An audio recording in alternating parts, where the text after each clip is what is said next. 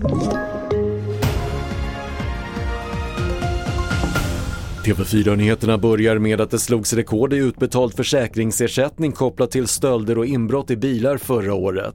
Det visar nya siffror från försäkringsbranschen som länge efterfrågat att utförsel av stöldgods kriminaliseras eftersom 90% av allt som stjäls lämnar Sverige. Det läcker som ett såll eh, vid våra gränser och eh, de myndigheter som är satta att jobba med den här frågan har inte tillräckligt med mandat, resurser eller förutsättningar. Det sa Ann Hasseltano på If skadeförsäkring. Kärnkraftsreaktor Forsmark 1 kommer att återstartas nu under morgonen efter att ha legat nere igår till följd av ett strömavbrott i Stockholmstrakten. Forsmark 2 väntas komma igång igen imorgon kväll eftersom det krävs ytterligare kontroller enligt Vattenfall.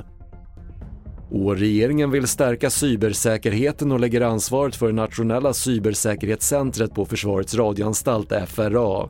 Idag delas ansvaret på fyra myndigheter vilket lett till flera svårigheter skriver statsminister Ulf Kristersson på DN Debatt.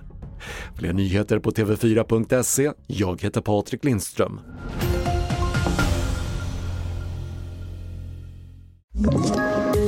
Poddtips från Podplay. I podden Något Kaiko garanterar östgötarna Brutti och jag, Davva, dig en stor dos skratt.